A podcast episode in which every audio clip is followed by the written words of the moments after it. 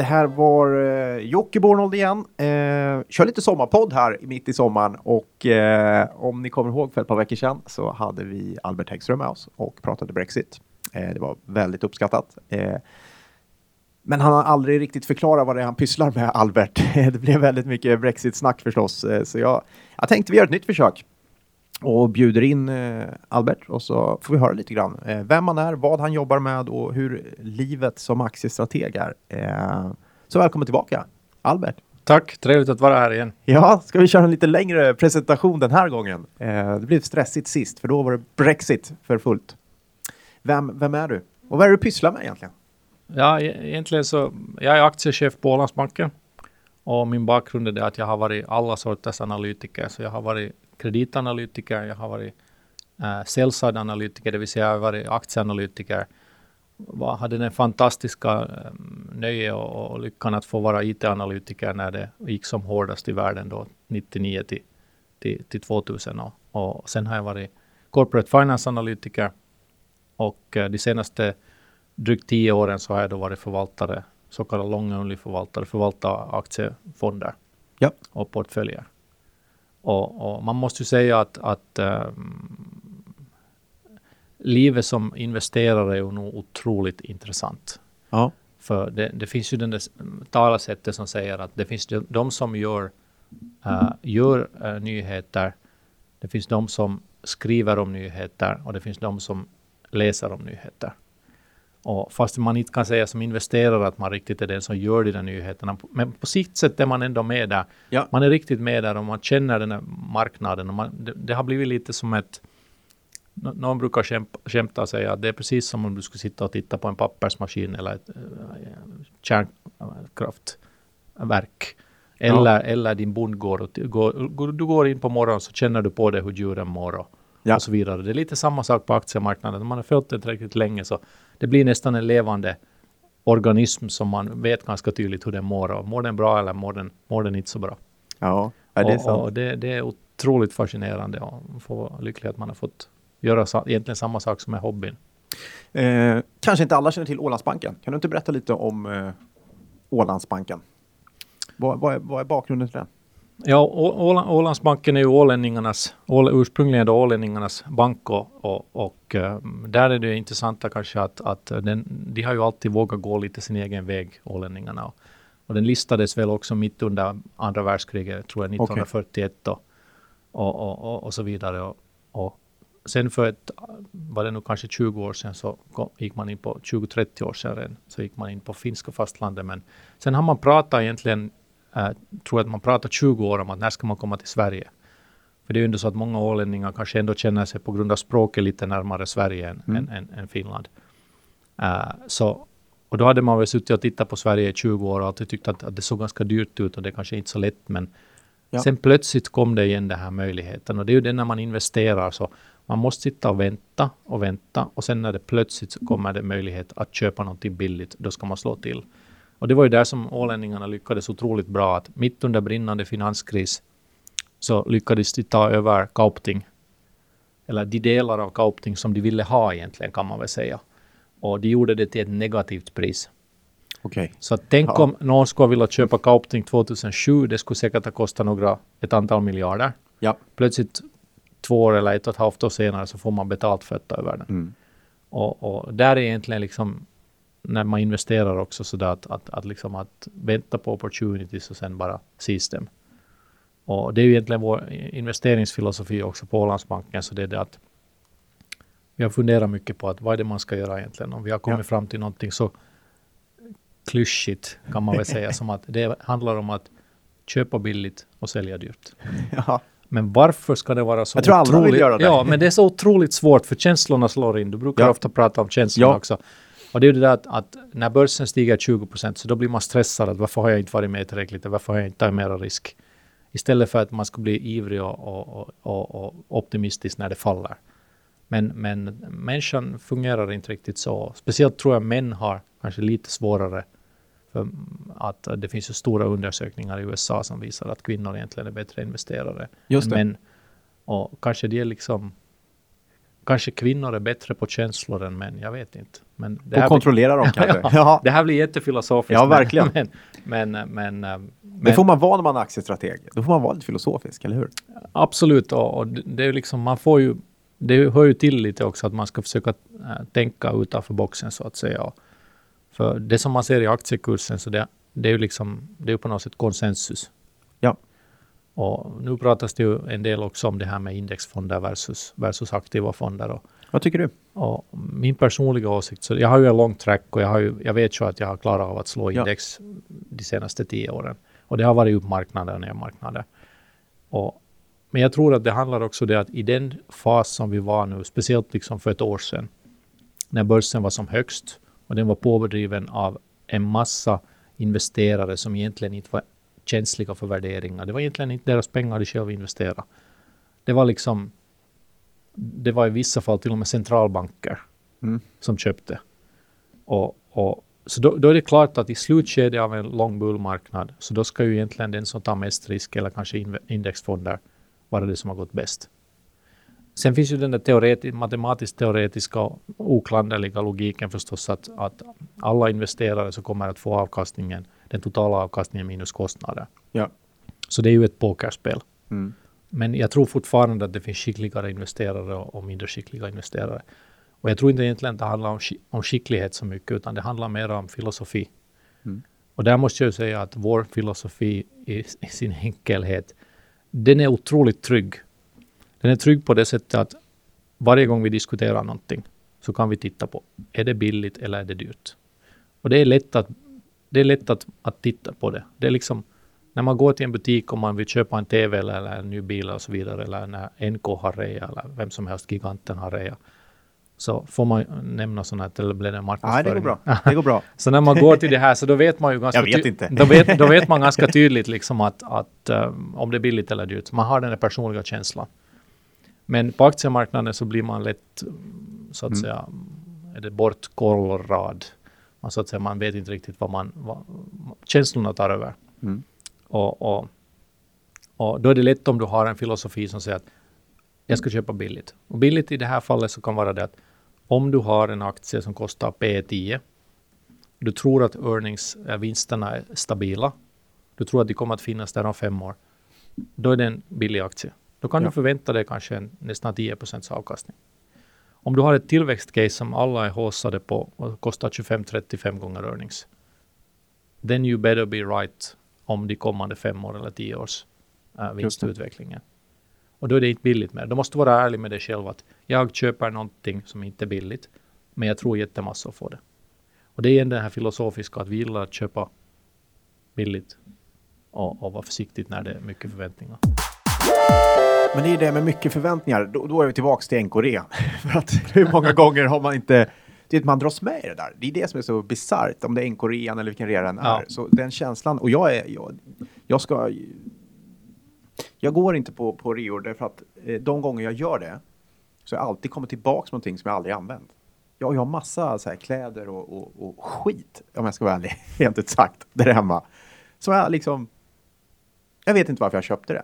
Och, och, och tänkte man, tänker man tillbaka då, varför köpte jag den här tröjan? Eller, ja, ja det blir någon slags... Eh, det, det, det, det, är någon, det finns säkert forskning på det här, men jag tror det är någon grupp, gruppdynamik, liksom, att man tror att man tror att man ska göra ett bra köp bara för att det är rea och att alla andra är inställda på att man gör ett bra köp. Eh, och så köper man någonting som, eh, som visar sig att man aldrig använder. Eh, och det där är lite fascinerande. Ibland känns det som att det blir så i aktiemarknaden också. att eh, alla andra köper och då börjar jag också köpa. och så fastnar man för något bolag som man som visar sig att det kanske inte alls var så lyckat. Eh, vad beror det där på tror du? Det är lätt att säga som du säger va? Att- Det, att, det, eh, är, det är otroligt intressant när du säger, för det där handlar ju egentligen om att undvika value traps. Ja, Det är ju det det handlar om, att man ska inte kö köpa bolag som är liksom value traps, där businessen är så dålig att den kommer att gå under, liksom, eller helt bara fade away. Och, och, men, men, men jag skulle fortfarande fråga, jag skulle fråga, fråga så här tillbaks då, att har du inga saker i skåpen eller kläder eller annat som du har köpt till fullt pris som du eh, inte heller har använt? Eh, jo, det kanske jag har, men man har ju verkligen de där som man köpt till fullt pris, som varit genomtänkt, Mm. som man använder om och om och om igen. Eh, Men, men sen har jag, jag, jag vet ännu att jag har en sån där otroligt eh, blommig skjorta. Ja. Designerskjorta som jag köpte någon gång som var otroligt dyr. ja. Jag har aldrig använt det. Så Nej. där kan man lugnt säga Man att det, det, där. det, var liksom, det var nog den någon form av IT-bubbla eller något Ja, annat. Som, jag, har, som- jag har några sådana också faktiskt. Jag tror att många män har någon sån här designerskjorta faktiskt hemma Ja. som man aldrig använder. Ja, det är sant. Men, men Men jag, jag, skulle, jag skulle säga att för att komma tillbaka till det, så det är, när man investerar så det enda du egentligen kan påverka som investerare, det är priset som Ja. du köper för. Och allt det andra så kan du inte påverka. Du kan försöka genom att analysera det, köpa rätt och veta att det där bolaget är jättebra och det där bolaget är mindre bra. Men sanningen är det att, att ofta är det tyvärr så att när det ser bra ut så då är det dyrt. När det ser dåligt ut så är det billigt. Och ofta är det också så att om du tar lite större bolag det är sällan så bra som det ser ut när det ser riktigt bra ut. Och det är sällan så dåligt som det, så, när, när det ser dåligt ut. Jag menar, Ericsson 2001, 2002, Ja. otroligt dåligt såg det ut. Och sen plötsligt så kom det tillbaka. Nokia 2007 till 2010 såg jättebra ut. Och sen plötsligt var man orolig för konkurs det. några år senare. Så allting kommer och går och, och det är den här cykliska naturen. Och då måste man bara liksom ha en bred portfölj, diversifiera. Så om man, om man till exempel gör så att jag hade en kollega faktiskt som gjorde så att han månadsspara. Han månadssparar genom att alltid köpa en aktie. Om man vill, gillar aktier så då kan man ju månadsspara att varje månad köper du en aktie. Du köper en ny aktie. Mm. Den som du gillar just då. Ja. Då kommer du efter fem år plötsligt att märka en hurdan investerare du är. Är du en Mm. value investor eller är du en growth investor? Om du mot det här, du köper det du just då gillar. Då kommer du att märka att har du köpt en massa billiga aktier eller tillväxtcase som är kanske dyra. Sen kan det ju hända att de där tillväxtcasen, om du hittar rätt, rätt bolag, kan det ju ge fantastiska avkastningar. Om du hittar Hennes Mauritz i en tidig, tid, tidigt skede eller om du hittar något liksom techbolag som tar marknadsandelar. Sånt. Men, men alla har ju sin personliga filosofi och hurdan personlighet man är. Jag tror att man ska nog delvis hålla sig till den också. Just det, jag tror också det. Jag tror jättemycket på det. Eh, och det ser man också på alla kunder man haft genom åren, att, att de som... eh, Jag ska sluta säga så, för jag säger det i varje podd. Alla kunder jag haft genom åren. Det är så klassiskt att jag ska sluta säga så. Eh, men ändå är, är det sant att det, det är kanske där den mesta av min erfarenhet i alla fall kommer ifrån. Det kommer från mina kunder som man har följt eh, och haft under årens lopp. Så de som ändå har hittat en personlig stil tenderar att vara mer lönsamma. Det är min känsla också. Därför att ehm, personligheten spelar roll, eh, tror jag rätt mycket. Och, det där att, och jag tror att det har att göra med att det är svårt att koppla bort känslor helt och hållet, eh, utan det påverkar. Eh, men ibland, eh, ibland hittar man bolag som, som, man, som man gillar och i vissa bolag eh, tenderar man ju att eh, gifta sig med, som man brukar säga. Har du den problematiken också? Har du bolag som du har svårt att släppa fast du egentligen känner att nej, det här är ju, det kanske är dags, men Ja, tvärtom, jag, jag är liksom, jag är lite så här, jag vet inte om det är rätt ord, agnostik, men liksom för mig så är det så att jag har ända sedan början haft en inställning att jag investerar inte i bolag. okej. Jag investerar i aktier. Ja.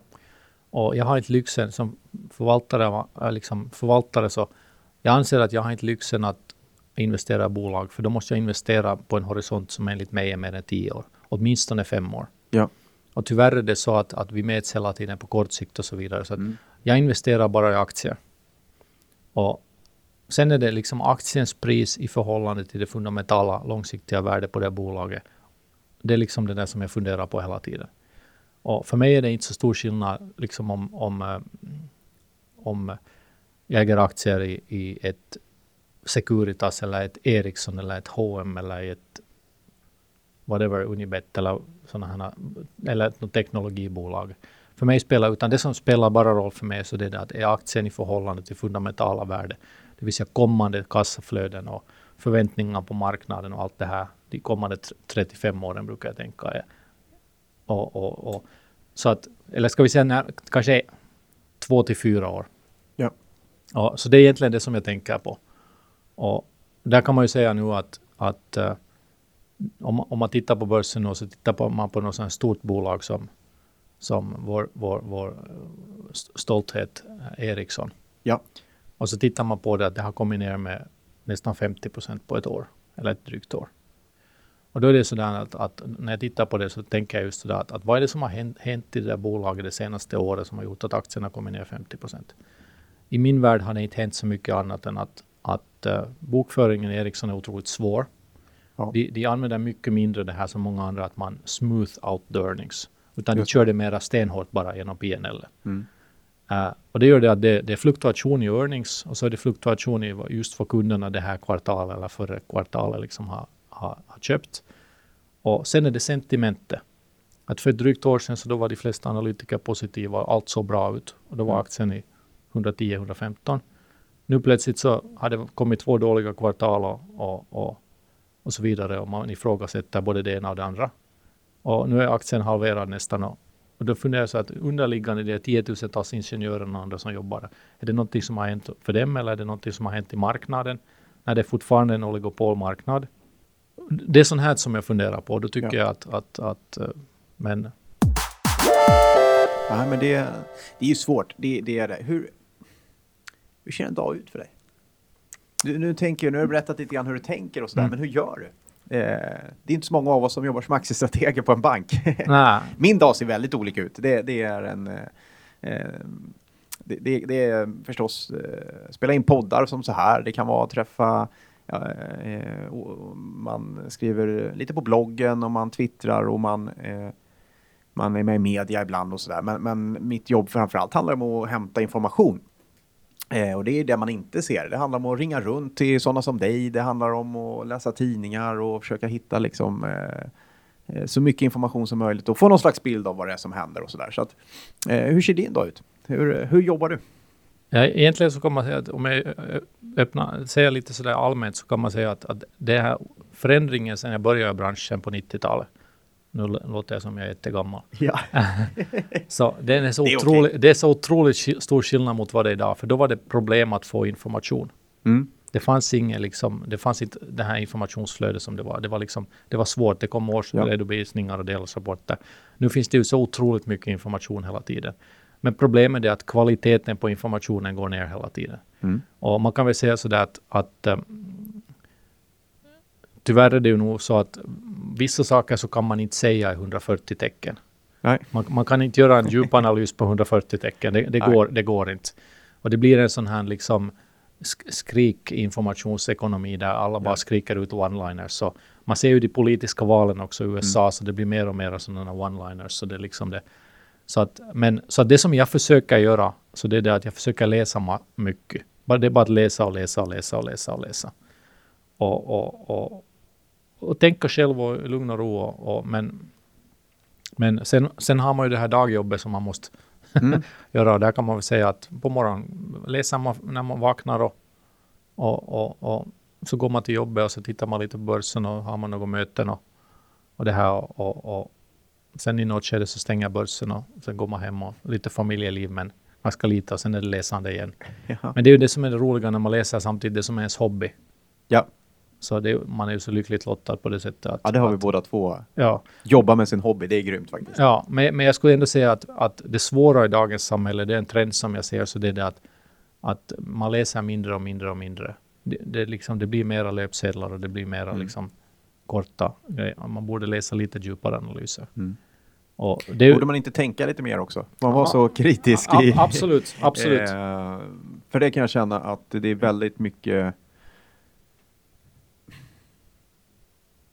att reflektera eh, och tänka. Det är inte så dumt det heller, att stanna upp och verkligen eh, själv analysera det man tar in. Eh, man måste nästan tvinga sig till det idag. Det kanske var lite lättare förr, eh, men idag måste man verkligen bara stoppa upp, stanna.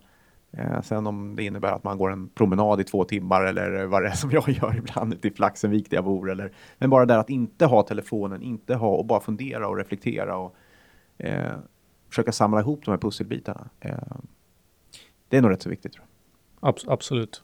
Och, och. Men, men sen är det ju det fascinerande att, att jag, jag, tror ju liksom att om man tittar på något sånt här som, som idols och så vidare, så det är fascinerande att man hittar de där talangerna. Man, man, man, det är så otroligt mycket lättare att komma fram om du är talangfull. Förut, ja. förut fanns det talangscouter som åkte runt. Nu behöver de inte åka runt mer, utan nu gör de en tävling och så kommer det upp. Mm. Men samma sak är det ju nu att liksom, om du tänker på begåvade ungdomar som kan gå in på Harvards hemsida och börja läsa och ta kurser och så vidare. Så Ja. jag tror ju att, att världen kommer att förändras med den här informationen otroligt mycket. Och då är det viktigt för, för alla lyssnare och alla liksom att också tänka på det att vad det är man läser och vem är det man lyssnar till. Mm. För det märker vi ju nu med, med de här politiska uh, situationen som finns mot, mot Ryssland och så vidare också. Hela, men även i västvärlden så det är ju hemskt mycket media. Det är ju ett mediakrig som pågår också. Alla, med hela den här bre- Brexit och så vidare, så alla står bara och säger sina egna. Ja. Och, och att kritiskt fundera på att vem säger vad och varför. Vem skriver vad och varför. Och det vet jag inte hur mycket de... Vi hade åtminstone ingenting sånt i skolan när jag gick i skolan. Nej. Det var det sådär att man trodde att det som stod i tidningen var sant. Mm. Och jag hoppas att det i dagens skola finns mer av det där, att man på riktigt orkar. Om du läser vad någon säger, så fundera nu också att när jag pratar så här, vem är jag? Vem är min bakgrund? Varför säger jag Exakt. det här? Varför sitter jag här och säger det nu? Det är ju jätteviktigt. Det är kanske är viktigt också för att bli en lyckosam eh, eh, sparare och investerare förstås. Att kunna urskilja all information som kommer. Jag skulle prata lite Finland också. Det är omöjligt att, att, att in- inte höra din eh, härliga brytning. För du... Du menar mitt modersmål? Ja, det är målfråga. Ja, jag visste det. Jag, jag tänkte på det innan att jag ska inte säga brytning. För det är, eh, det är det faktiskt det elakaste man kan säga. Det är ju inte schysst. Det är så, eh, det är, en, är det en dialekt? Kan man säga det? Ja, det, jag, nej, jag tycker inte att det är elakt, för jag, jag förstår ju liksom att, att det finns ju 300 000 finlandssvenskar i. Men vi pratar ju, om jag har förstått det rätt, så pratar vi en gammal, jättegammal svenska. Mm. Så jag tror ju att vi pratar någon svenska som kanske liksom påminner mer om man pratar i Sverige kanske för 200 år sedan eller 250-300 år sedan. Mm. Att jag, jag tror att det, Fascinerande. men, men jag är inte språkvetare så jag vet inte. Men, men det var någon språkvetare som sa till mig att ett språk utvecklas inte om du har färre än 500 000 som pratar det. Och vi är Okej. färre så att då, Ja. då, då har liksom kanske finlandssvenskan är någon gammal svenska. Spännande. Ja, men det, det känns alltid så tryggt. Mm. Eh, brukar man, eh, tror jag många känner, och jag också. Man, man, hör, hör finlandssvenska så känns det tryggt och stabilt. Eh, något som inte känns lika tryggt och stabilt är den finska ekonomin. Eh, ska vi ta några, några minuter kring det? Hur är det egentligen? Jag vet inte. Vi som ser på det från håll så känns det som att det var tufft för Finland ganska länge nu. Men finns det någon... Är det så illa? Alltså, Finland har ju hamnat mitt i någon form av super, många stormars eh, öga. Liksom att, att fin, finska ekonomin, det gick så otroligt bra. Och sen plötsligt så kom Apple och samtidigt slog ut pappersindustrin och eh, mobiltelefonin. Ja. Och sen har vi då fått som, som eh, sista det här slaget, så det var det här sanktionerna mot Ryssland. Just det. Så i princip så kan man säga att, att det här kombinerat med det faktum att Nokia var så otroligt framgångsrik. Och Finland, det kom så mycket pengar in till Finland som gjorde att man ökade på den sociala, den, den offentliga sektorn fick öka hemskt mycket. Man ökade på kostnadsmassan överallt. Och det här tillsammans nu när plötsligt de här eh, situationen har förändrats. Så det här har samtidigt slagit på. Och sen har vi ju dessutom enligt finsk eh, kultur är det ju det att vi, vi betalar ju tillbaka våra bolån på minst högst 25 år och, och det här att spara och det här finns djupt Ja. i folksjälen. Så det har gjort att man samtidigt som den här recessionen har slagit på så har man ytterligare spara. Och politikerna har velat spara. och Man har Mm. inte, man har, så det här kombinerat har gjort att Finland har ju haft otroligt jobbiga 5-6 år nu. Och produktionen är ju på en betydligt lägre nivå än vad det var 2007 Ja. och, och så vidare. Men, men eh, samtidigt så, och, och sen har vi ju de demogra demografiska mm, så att säga problemen att, att eftersom Finland har varit ganska sluten mot invandrare och, och, och nyinflyttade så befolkningen är jättegammal och blir äldre fort. Mm. Att det är lite sån här Ja- Japan-problematik där. Okej. Och, och det gör också att, att um, vem är det som ska betala alla de här pensionerna? Vem är det som ska betala all sjukvård och allt det här? Så det, det, det, det är stora frågor. Men före vi blir alltför pessimistiska så Mm. ska jag ändå säga så här att det finns otroligt mycket styrkor i den finska liksom, skolväsendet och institutionerna och just den Ja. här idén om att man ändå när det behövs så tar man, tar man i och, och, och så fixar man det. Och sen har vi ju också hållit på ganska länge nu, så att jag tycker ju, jag reser hemskt mycket mellan Finland och Sverige. Och det är intressant att äh, jag tycker att både flygen är ju nu jättefulla. Mm. Det var det inte för två år sedan. Nej.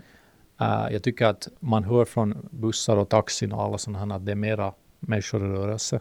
Mm. Uh, så, det känns också som att bostadsmarknaden efter att ha varit mer eller mindre flat i fem års tid, Ja, så hör man lite okej. tal om att, att kanske bostadsmarknaden också uh, är på väg att börja priserna lite gå uppåt. Mm.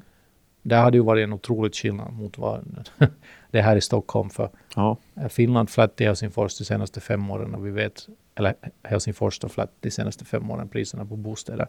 Vi vet hur det ser ut i Stockholm. just det. Uh, så att, och det tror jag också att det syns att det är en hel del svenska företag som har köpt både på fastighetssidan men också Mm. på andra sidan så andra sektorer så har de börjat titta på Finland. Det är inte så dyrt där och, och börjat köpa lite tillgångar. Ja. Och det hjälper ju också. Mm. Så att um, kanske det ser lite bättre ut om ett par år. Liksom. Det kan åtminstone inte bli sämre. Det, Nej, det är så det känns. Ja, ja, Ja. ja.